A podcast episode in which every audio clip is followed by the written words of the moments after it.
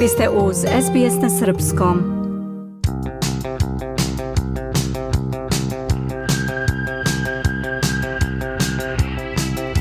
Slušate SBS radio na Srpskom, ja sam Miljana Ristić. Večeras dočekujemo 2023. A mnogi se slažu da je najuzbudljiviji doček nove godine u Australiji u Sidneju. Proslava nove godine je svakako jedan od glavnih događaja kada svi sa uzbuđenjem dočekuju dolazak nove godine u krugu najbližih.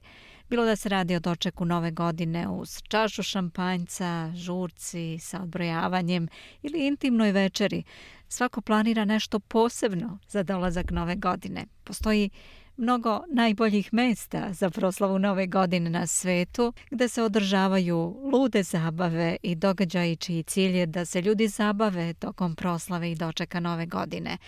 Prema top listi na internet sajtu myholidays.com, Sidney je na prvom mestu gradova u kojima je doček nove godine najlepši i najuzbudljiviji na svetu.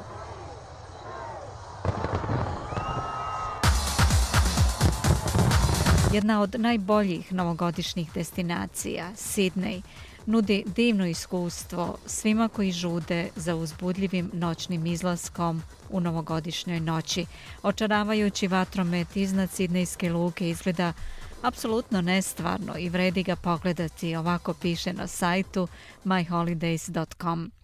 Na drugom mestu na ovoj top listi gradova u kojima je doček nove godine najuzbudljiviji na svetu je Las Vegas u Nevadi, zatim Miami, također u Sjedinjenim državama. Na četvrtom mestu je Venecija u Italiji, na petom Dubaji u Emiratima, sledi Cape Town u Južnoj Africi. New York u Sjedinjenim državama je na sedmom mestu, a Pariz na osmom. Goa u Indiji zauzima deveto mesto, a na desetom je Rio de Janeiro u Brazilu. Iako zvuči neverovatno, Biznis Telegraf piše da turizam kao sektor izvanredno napreduje uprkos svetskoj krizi. Međunarodni turisti su povećali potrošnju u najposećenijim gradovima na svetu tokom godine i bili su jedan od ključnih faktora koji doprinose njihovom oporavku. To su podaci prema indeksu 100 najboljih gradskih destinacija 2022 izveštaju koji je 13. decembra objavila nezavisna kompanija za istraživanje tržišta Euromonitor International. Na globalnom nivou turistička potrošnja po putovanju pokazuje povećanje od 13% u tekućim cenama iz 2022 sa prosečnom potrošnjom od 1,331 američkih dolara po dolasku širom sveta. Za 2023. se predviđa da će ukupna turistička potrošnja premašiti 1,4 milijarde dolara na globalnom nivou, objavio je Bloomberg, koji je imao uvid u izveštaj. Indeks Euromonitor International – koji se objavljuje jednom godišnje, sagledava efekat 100 najvećih gradova u svetu u šest ključnih kategorija.